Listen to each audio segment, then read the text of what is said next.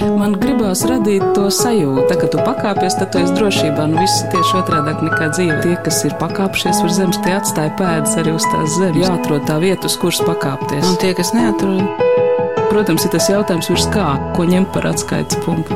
augstāk par zemi. Augstāk par zemi. Augstāk par zemi. Esiet sveicināti! Mans vārds ir Anna Bušvica, un es piederu paudzei, kurš savas dzīves laikā ir piedzīvojusi tikai dziesmotu revolūciju. Viennozīmīgu attieksmi pret visu, kas saistīts ar ieročiem kā potenciālu ļaunumu, man sabojāja karš Ukrainā, pierādot, ka reizēm nav citu iespēju, lai nepieļautu savus nācijas un vēstures noslaucīšanu no zemes virsmas. Vai laiki, laikmeti vispār ir salīdzināmi?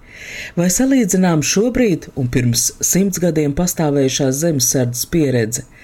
Pieredze, kāda bija latviešu strēlniekiem kara laukā, iesākumā dienot Krievijas impērijas karaspēkā, un pieredze, ko mūsdienās miera laikā gūst civilists, kurš zemesardzes mācībās apzināti meklē atbildi uz jautājumu, kāda būtu pareizākā viņa rīcība stundā X.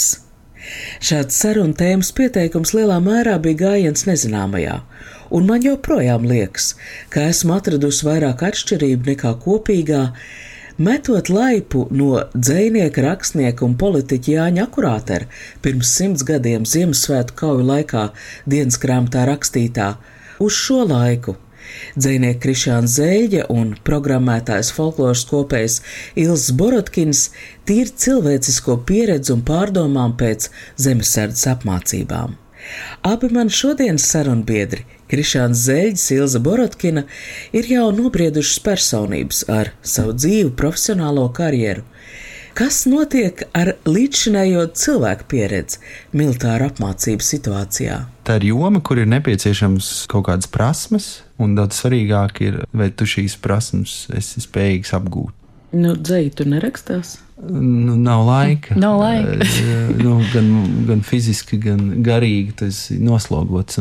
Tā nav vide, kurā man gribas domāt par literatūru, un tas man apmierina. Nu, kaut kāds mūzikas instruments nav mugursomā. Mugursoma ir pietiekami smaga arī bez tā.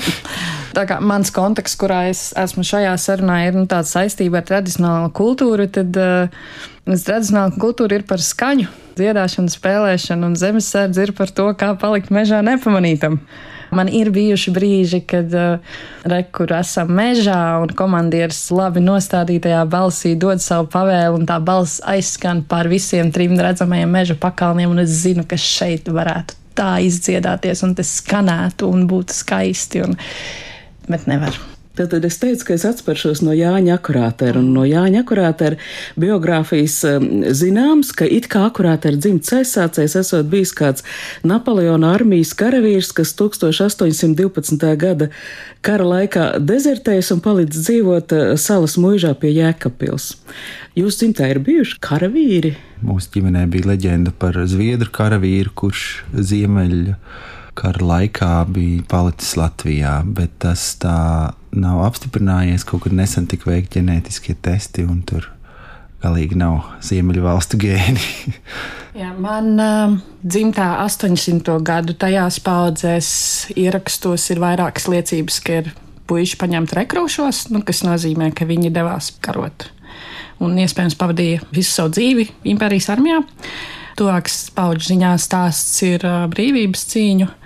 Uh, Vecvectēva brālis, kurš izgāja Pirmo pasaules karu, bija brīvības cīņās. Viņa biogrāfijā ir viss nāves salas, viss, viss, viss. Un dzimts leģenda, ko es neesmu faktoloģiski vēl pārbaudījusi, saka, ka viņš ir bijis pulkveža pēniņš sakarnieks un ka viņš esot bijis tajā rotā, kas grieza dzeloņa stieples Ložumtē kalnā, kas pirmie gāja, kur no 20 esot atgriežušies trīs, un viņš viens no tiem. Nu, viņš ir mans lāču plēsis arī, piemēram, 11. novembra kontekstā, tajā brīdī, kad es lieku sveci, tad tas sveci ir pirmkārt viņam un caur viņu ir tā saikne ar tiem svarīgajiem vēstures brīžiem. Lai tiktu tuvāk Jānim Akurāteram, dodos uz viņa memoriālo muzeju Pārdagovā. Muzeja vadītāja Māra Valter izvēlējusies vairākus fragmentus no Jāņa Akurātera dienas grāmatām.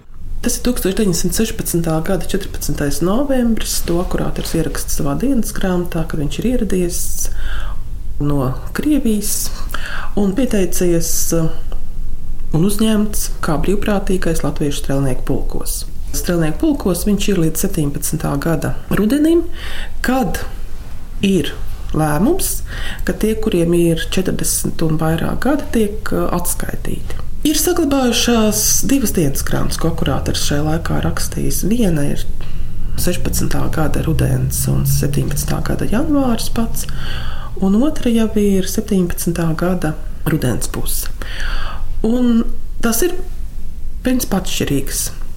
Atšķirīgs no intonācijas, no attieksmes un Jo sākotnēji akurāters tajā visā ir ieinteresēts, aizrautīgs. Viņu, viņš ierauga tajā kara darbībā kādu jaunu laikmetu dzimšanu. Dzēnieku mākslinieku loma Latvijas valstiskuma idejas tapšanā bijusi nozīmīga.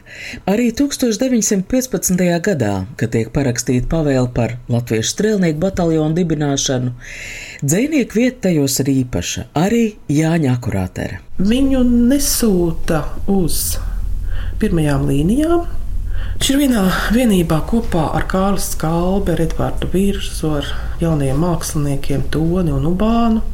Viņiem ir drīzāk no latviešu rakstniekiem uzdevums būt par šī kara lieciniekiem. Māksliniekiem ir uzdevums vākt trofejas un materiālus topošiem kara muzejam. Savukārt, akurāters vienā no savām dienas grāmatas piezīmēm ir teksts, ka viņiem bijuši saruna ar latviešu virsniekiem Un viņi ir teikuši, ka jāuzraksta kara kronika. Bet tas ir jāizdara tā, ka tā kā karš būs beidzies, tad saimnieks to varētu paņemt un svētdienās savai saimē lasīt priekšā. Tā tas ir jāizdara. Nu, ja lasa kaut vai šīs akurāti ar dienas grāmatas piezīmes, kur var nu, šķist, ka viņš tiešām vismaz sākotnēji ir ar kaut kādu mērķi, tiek rakstīts, ka viņas varbūt tiek publicētas vai viņas tiek saglabātas. Reizē viņš ir ļoti precīzs, ļoti pat kinematogrāfisks, zīmējot tās kara ainas, ko viņš redzējis. Reizē viņš spēja tajā notikumā ieraudzīt arī kādu lielāku kontekstu. Jau janvārī akurātris raksta, ka šajā pašā dienas grāmatā ka karavīra šīnēlis nospiež ne tikai plecus, bet arī dvēseli. Tad ir 17. gads, pavasaris, rudens un īpaši rudens puse, kad ir tas bijis vairāk jau pozīciju karš. Un arī attieksme pret rakstniekiem vairs nav tik uh, tāda īpaša. Viņiem jau ir jābūt pa sanitāru palīgiem, līdz ar to ir uh, jāredz ne, ne tās skaistākās ainas.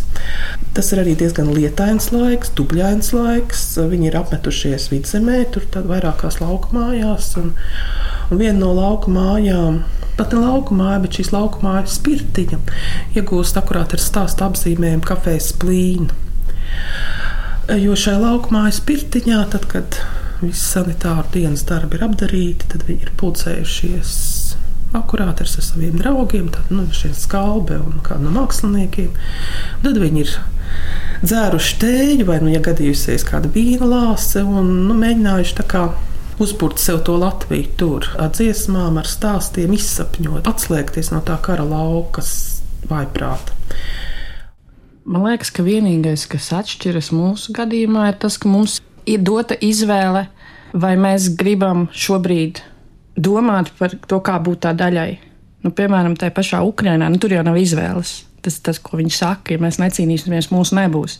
Un mums miera laikā vienkārši ir dot iespēju tā strukturēti, sistemātiski salikt savu dzīvi un domas pa plauktiņiem un saprast, vai es esmu gatavs tam sagatavoties. Protams, cerībā, ka dzīves beigās, 99 gadu vecumā, uz nāves gultas, tās izrādīsies bezjēdzīgākās prasmes visā mūža laikā, jo viņas nekad nebūs pielietotas ārpus mācīšanās, bet viņas būs bijušas.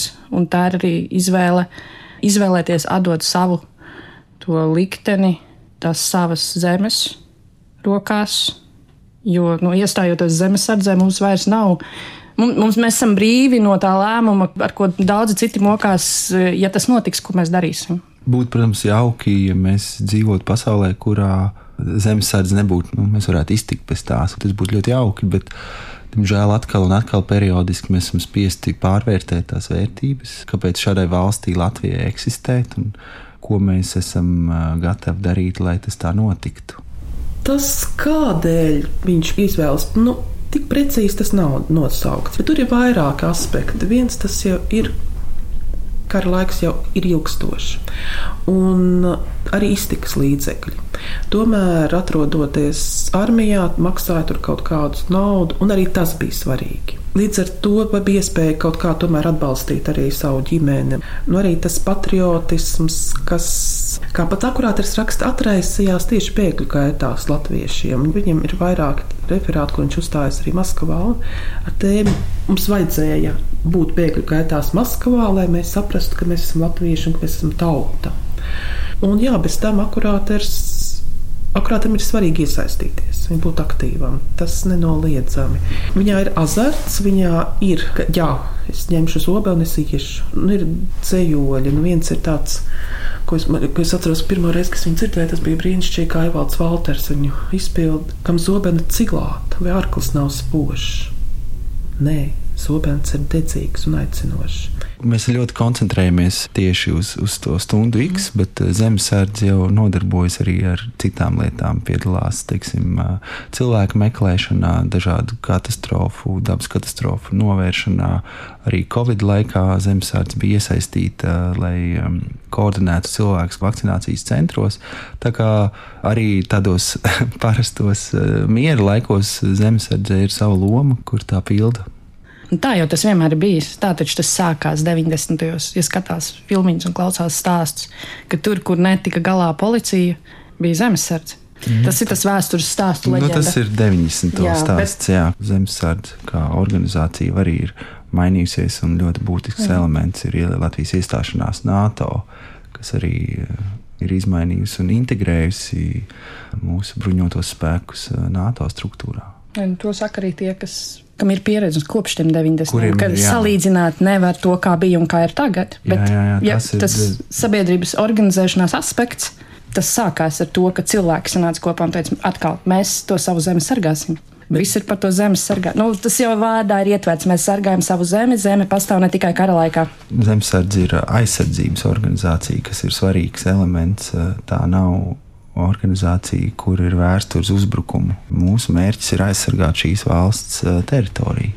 Mani sarunbiedri šai raidījumā - Ilza Borotkina un Krišāns Zēģis. Tu dodies nedēļas nogalēs uz apmācību. Jā, mhm. jā, jā, man ir nedēļas nogales.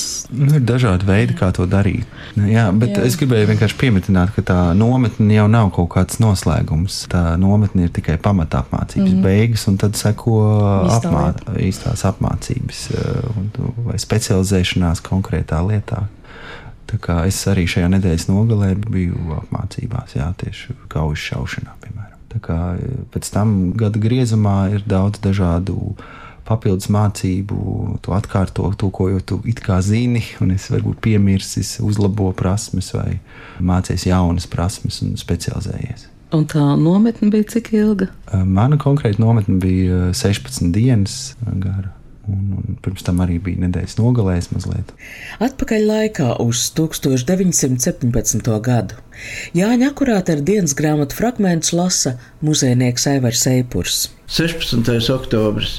Daži jauki brīži valkā. Mums ir koncerts un literārisks vakars. Skalba runā par latviešu dzēju, un mēs deklamējam. Pēcāk ir vakariņas, tiek dziedāts un ir līgsmi. 18. oktobris. Pēterpīlī uz Nacionālo padomus organizēšanu esmu kā Latviju karēju Nacionālās savienības delegāts atkal. Ir straujas, sirsnīgas runas. Ir vēl arī daudz neticības starp jaunākiem, pat Meijerovics netic Latvijai un viņa spēkiem. Tad beidzot atzīst, visi ir vajadzīga Nacionālā padome. To sasauks Valmērā 29. oktobrī. Latviešu pagaidu Nacionālā padoma valkā tiek nodibināta mēnesi vēlāk, kā akurāters dienas grāmatā sākotnēji raksta - 1917. gada 29. novembrī Jānis Akurāters kļūst par tās valdes locekli. Akurāti ir kolekcijā šīs dienas grāmatas saglabājušās, un tās glabājas rakstniecības muzejā. Bet šeit, piemēram, uz vietas muzejā mums ir Jāņa Akurāta ar strelnieku nozīmīti. Kas ir interesanti, šāds nozīmīts pie visiem latviešu strelniekiem. Un uz tās nozīmītas ir saule, ir zobens, un par nozīmītu akurāti ir uzraksts vēlāk arī dzējoli. Bet tā kā latviešu strelnieki bija cara armijas vienības, tad virspusē bija carģēbots. Bet no 17. gada februārī, kad pēc revolūcijas cara vairs nav, ko darīja daļa latviešu strēlnieku, ņēma un novīlēja šo ģērboni. Nu, tā ir akurāti izdarījis arī ar savu nozīmīti. Tā kā arī šāda liecība mums ir šeit muzejā apskatāmas vietas. Es atkal mazliet atspēršos no Jāņa akurātera. Strēlnieki bija daļa no Krievijas impērijas armijas. Respektīvi, tās pavēles nāca no, no impērijas, un, un bija drīzāk jānotic, ka viņi pārstāv nacionālās intereses, nu, kaut vai ar to, ka cīnās savā zemē. Vai jūs izprotat, no kurienes nāk šīs pavēles? Brīdī, kad tu piekrīti klausīt pavēlē, nu, nu jā, kur paliek tas domājošais, līdzdomājošais cilvēks? Labs komandieris jau uh, šo pavēli spēja pamatot manuprāt, šeit ir tādi nedaudz mītiski un varbūt arī tāda padomi trauma, kas ir par to, ko nozīmē būt kaut kādā militārā organizācijā, ka tie ir cilvēki, kas nedomā, kas eh, kā tādi robotiņi dara lietu, ko viņiem liek. Man, piemēram, Tas... ir radies iespējas, atkal es varu spriest pēc savas limitētās pieredzes, ka vismaz mūsu apmācības ietvaros domāšana tiek nevis izslēgta, bet tiek prasīts, lai viņi tiktu lietot, un mēs tiekam mācīti to lietot. Kas ir zemesardze? Ir viens, ir, kas ir ierakstīts likumā, un tad ir tas, ko tu piedzīvo. Piedzīvo caur savu pirmo komandieri. Un es atceros, man tas bija ļoti būtisks pārdoms, ko es darīšu, ja man pretī nostāsies kaut kas. Un tad ir, man liekas, ir baigi svarīgi, lai tev priekšā stāvētu, jebkurā posmā tev priekšā stāvētu cilvēks, kurš pats ir atbildi uz taviem kāpēc. Ka tev nav jāšaubās par to, ka viņš par tevi domā uzdevuma kontekstā, bet arī tavās labākajās interesēs, ka tu paļaujies, ka viņš tev ir iedevis visu informāciju, kas pirmkārt viņam ir un viņa prāt tev ir jāzina, un ka viņš par tevi stāvēs un kritīs tikpat ļoti, nu kā tu principā esi apsolījies stāvēt un krist par viņu. Un, ja tā sajūta, vismaz nu, man, ja man tāda ir, un man tāda šobrīd ir vairāk nekā, nezinu, vajag, tad arī vispārējais kļūst patiesībā ļoti vienkāršs. Tu nepakļaujies pakāpē, tu pakļaujies savai cieņai pret attiecīgo cilvēku. Un, ja tu vēl dzirdi, ka šis cilvēks par, par savu komandieru saka, viņam ir vīzija un tur viss ir forši, tad tu saproti, ka tu esi nonācis vietā, kur ne tikai šodien tu gūsti pieredzi, bet tu esi daļa no kaut kā liela, stipra, idejiski skaista, bet kas tai idejai iedod ļoti spēcīgu sakņu sajūtu. Tu iezemējies ar savu patriotismu, tas vairs nav tikai vārdi. Tu esi ļoti konkrēti, ar, nu, ja ne ar saknēm, ar diviem lieliem zābakiem dziļi zemē, tu esi iesakņojies. Pulkvedis Zauzāns bija autoritāte arī māksliniekiem, un akurātars arī vēlāk ar ļoti lielu tādu pietātu atcerās Pulkvedis Zauzānu. Mm mazāk ir pa juku un vācieti. Nu, tur var nojaust no kaut kādām piezīmēm, ka tā runa ir par viņu. Man ir saglabājusies arī apsveikuma karte, ko mākslinieki gatavo un pasniedz Hauzānam.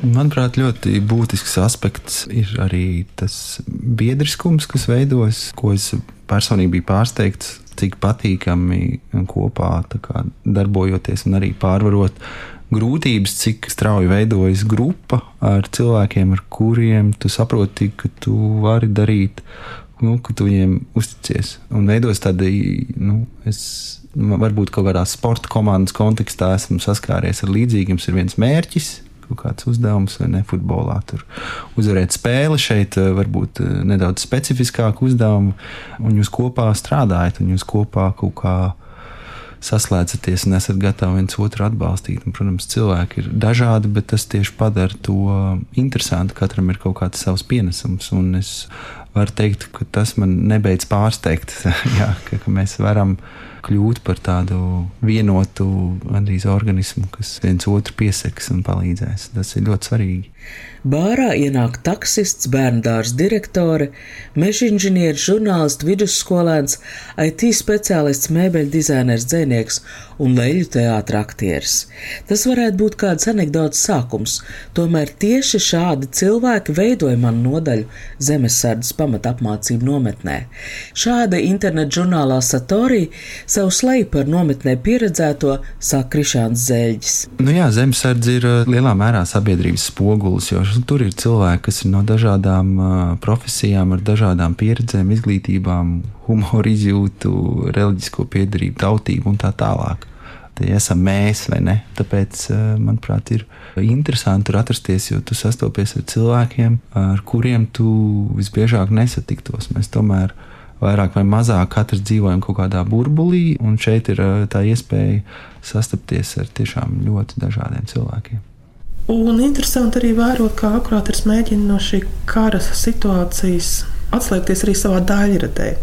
Ja pirms tam nu, tad, tad, nu, tie dzējoļi, kas ir datēti ar 16. gada beigām, 17. gada sākumu, tur ir tāda liela aizrautība par kara norisēm un, un tāds pat patos. Un tad jau 17. gadā to ir aizvien mazāk un parādās brīnišķīgi mīlestības dzējoļi. Tas ir viens Bet ar akurātors arī devis virkni prozas darbu, kā liecību kara notikumiem. Un viens no tādiem piemēriem ir ar nosaukumu Māte, kurā viņš atstāsta vienu epizodi, ka Latviešu telnieku barakā ieeja vācu kara gūsteknis, un tas par kārtas kara gūsteknis ir ļoti pārbies ka viņu tagad nošaus. Viņš, viņa vienīgais teikums, ko viņš saka, nenošaujiet mani, man ir māte. Nu, ja mēs visi tajā apziņā būtu, ka mums ir māte, droši vien, ka šis karš nebūtu. Sievietes tēls Jāņa akurāta rakstītajā parāda arī, cik ļoti mainījusies sievietes loma sabiedrībā un arī zemesardzē. Ilza Borotkina. Normatīvi, tīri fiziskie normatīvi, kas ir arī publiski pieejami, ir vieglāki nekā nu, mums ir jāpiepumpējas mazāk. Patiesībā šo vislabāk laikam nodefinēja mūsu bataljona kontrolpunktu dežurants tajā brīdī, kad es nācu iesniegt dokumentus līdz galam. Un te viņš teica, tā, tu nāc pieteikties, saka, jā, es nāku, tikko atdevu dokumentus. Labi, mums vajag meitenes, bet mēs tev nedosim nekādas atlaides. Šeit mēs visi esam zemesargi. Un šobrīd jau ar šo mēnešu apmācības pieredzi un būšanas uh, bataljonu bāzē pieredzi, es teiktu, ka man liekas, nav vides, kur sieviete var būt stipra tāda vispozitīvākajā un tādā konstruktīvākajā veidā stipra sieviete kā militārā joma. Bet nu, ar, ar uzsvaru uz abiem gan spēcīga, gan sieviete, jo vismaz manā pieredzē neviens nepieņem to, ka tu varētu kaut ko nevarēt kā normu, bet uh, vismaz mūsu puiši vienmēr ir blakus, lai ja kas tev palīdzētu kā biedram. Tas nozīmē, ka viņi zina, ka tu esi nevis sieviete, bet tev vienkārši ir mazāk fiziskā spēka reizēm. Nu, reizēm tev ir grūtāk to somu pacelt. Nu, piemēram, mūsu nodaļā divas biedras, viņas fiziskos normatīvus var izpildīt aptuveni divreiz labāk kā es. Es esmu diezgan ciešamā fiziskā stāvoklī. Tā kā tas pieņēmums arī par tām fiziskajām spējām, nu, jā, tas ir ļoti individuāli. Nu, tas ir atkarīgs arī no nu, ko tu pats no sevis gribi. Jo zemesardze tāds, nu, tā ir brīvprātīga organizācija. Tu jebkurā brīdī, kā arī mums teica, jebkurā brīdī jūs varat atnākt, ar to jūs atšķirties no profesionālas armijas. Jūs varat atnākt un pateikt, man apnika, man pietika, es vairs to negribu, viss rīt manis te vairs nebūs. Viss. Un tā pašā laikā, ja tu esi atnācis un tu gribi darīt, un nu, tu vienmēr vari atrast kaut ko, kur sevi uzlabot. Nezinu, es atnācu no pirmā marša mājās, sapratu, ka man pietrūkst kāju muskuļu spēku, lai sasto reizi to somu uzceltu plecos. Man mājās tagad ir svaru stieņas. Tieši tik vienkārši. Es aizgāju, pirmo reizi iedeva rokā ieroci. Es sapratu, ka nu, man rokas viņa tā līdz galam nevar noturēt tā, kā man viņa liek turēt. Man ir arī hantelis. Izklausās, ka dzīve diezgan pamatīgi mainās. Nu, cik tu ļauj viņai mainīties? Nu, cik tu gribi ļaut viņai mainīties? Var būt arī tāds, kurš apmeklē tikai minimālo skaitu apmācību Bet tas arī ir ok. Cilvēkiem ir dažādas eh, dzīves ar dažādiem intensitātes pienākumiem, un, un tas jau ir tādā ziņā tas labais, kā jau minēji. Mm -hmm. Tā ir brīvprātīga organizācija, un arī cilvēku spēja tajā iesaistīties ir atšķirīga. Tas varētu lasīt šito vienu lapu no Kurš gads tagad? Tas ir 25. decembris 1916. gads. Tas ir tas, kas notiek Ziemassvētku kaujas. Mm. Jā, nu jā. Ziemassvētku kauju vietas mm. tās ir piezīmes kaujas laukā. Tālāk ir atkal pulciņš kritušo. Starp tiem ir kāds virsnieks ar pusē sašķeltu galvas kausu. Kāds strēlnieks guļ šķērsām pār citiem un ir vienā kreklā izģērbts. Daudzas sejas ir vaskainas un zeltainas, daudzas pelēkas, tikai dažiem nāve nav ienesusi nekādu pārmaiņu izteiksmē. Un kādā citā vietā guļ divās rindās kādi 30 strēlnieki, un sargs vienmuļīgi staigā ap viņiem. Savādais pie mūsu strēlniekiem ir tas, ka tie karo Par to civilo bagāžu Jā. mēs arī vienkārši vakar ar vienu no biedriem tieši runājām par to, cik ļoti zemesardze patiesībā ar to savu būtību. Tu ieeji bataljona teritorijā, un tad līdz tam brīdim, kad iznāc ārā, tev ļauj atrast to savu pašu dziļāko būtību, savu es, tādu īsto es. Viņam ļoti ļauj būt pašam. Kas īstenībā pārsteidz, jo tas stereotips jau ir. Tu ieej, tev tur komandieris pasaka, tad tev, tevis vispār tu, tu kļūsti par tevi vai nu, uzvārds sarakstā. Bet ka tu vari atstāt ne tikai to bagāžu kā profesiju un raizes, bet arī lielu daļu tādu mākslīgu, sabiedrības konstruētu, kādam tev būtu jābūt. Mans viens no lielākajiem ieguvumiem, tāda atgriešanās pie tāda visdabiskākās, man liekas, savas formas, vienas no dabiskākajām formām, kādās es sevi kā personības pieredzēju. Kaut kāda zināmā vienkāršība varbūt tev jānodarbojas ar kaut kādām jā, pamatlietām. Tev nav citu ārēju kairinājumu, kaut vai tas pat telefons ir izslēgts jā, somā. Vai, vai pat reizēm nav pie tevis. Vai nav pie tevis, pat ir tikai šis konkrētais uzdevums un brīdis. Prāts ir nodarbināts ar kaut ko citu, jā, ar, vairāk ar tagadni. Jā. Es jūtu augstu stingumu uz miesas no šīs dzīvības pilnās mirušo panorāmas. Un tad pirmo reizi sāku saprast cīņas burvību un kara spēku. Vai tiešām tikai pavēle liek doties viņiem nāvē? Es jūtu, ka aiz antimilitārismu, propagandas un miera idejām stāv kāds cits spēks, kas varenāks par filozofijām un mieru. Ja cilvēks spriestu tikai un dzīvotu tikai ar prātu, tie būtu mašīnas, bet kara straujums un aizraušanās viņa burvībā ir zīme, ka tauta grib vairāk nekā līdz šim, un par to tie iet un krīt.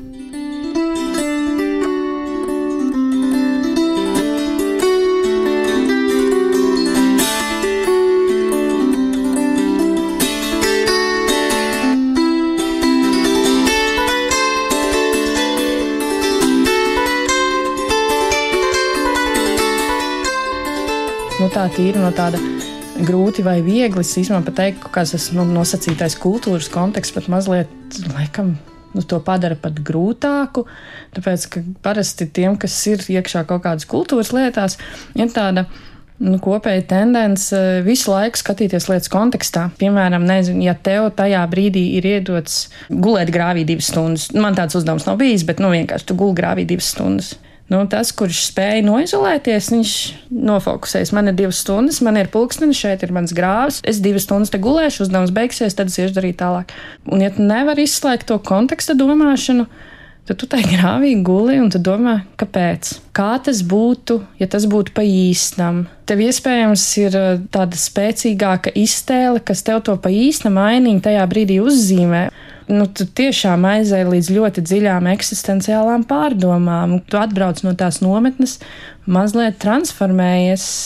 Un tādā ļoti, man liekas, labā virzienā atkal par to, kas tad dzīvē patiesībā ir svarīgs. Tu atbrauc mājās mierīgāks, jo izrādās, ka kaut kādas lietas, par kurām tu iepriekš esi satraucies, nu, viņas nav būtiskas. Nē, es domāju mm. par tām šaubām. Manuprāt, mm. tas ir ļoti, ļoti ok visu laiku domāt par to, ko es te daru, Pirmkārt, tas ir ļoti cilvēcīgi, bet arī nu, tā tu labāk izkristalizē arī sev tos iemeslus, kāpēc tu esi. Jo Krievijas iebrukums Ukrajinā, kas ir sākotnējs impulss, ar to vien uh, varētu nepietikt, lai tu zemesardzē mm. uzturētos ilgstoši. Un tāpēc ir svarīgi, un man tas vismaz ir bijis vērtīgi mācībās un dažādos grūtos brīžos, uh, visu laiku arī reflektēt par to, ko es daru, kāpēc es te esmu un kāpēc es vēlos to turpināt. Tas ir svarīgs eh, elements, lai būvētu to, to fundamentu un lai tu būtu gatavs turpināt. Paldies Jāņa Kurāteru muzeja darbiniekiem, Mairai Valterei, Aivaram Eipuram, ar programmētāju, folkloras kopēju Ilza Borotkinu, ar dzēnieku Krišānu Zeļģi sarunājās Anda Buševica, šī raidījuma skaņoperators Valdis Raitums. Tā ka tu pakāpies, tad tu esi drošībā. Nu, viss ir tieši otrādi nekā dzīve. Tas ir tā spēle, jā? Tie, kas ir pakāpšies virs zemes, tie atstāja pēdas arī uz tās zemes. Protams, ir tas jautājums, ko ņemt par atskaites punktu. Nē, nu, principā ir skaidrs, augstāk par zemi. Jāatrod tā vieta, uz kuras pakāpties. Augstāk par zemi. Augstāk par zemi. Augstāk par zemi.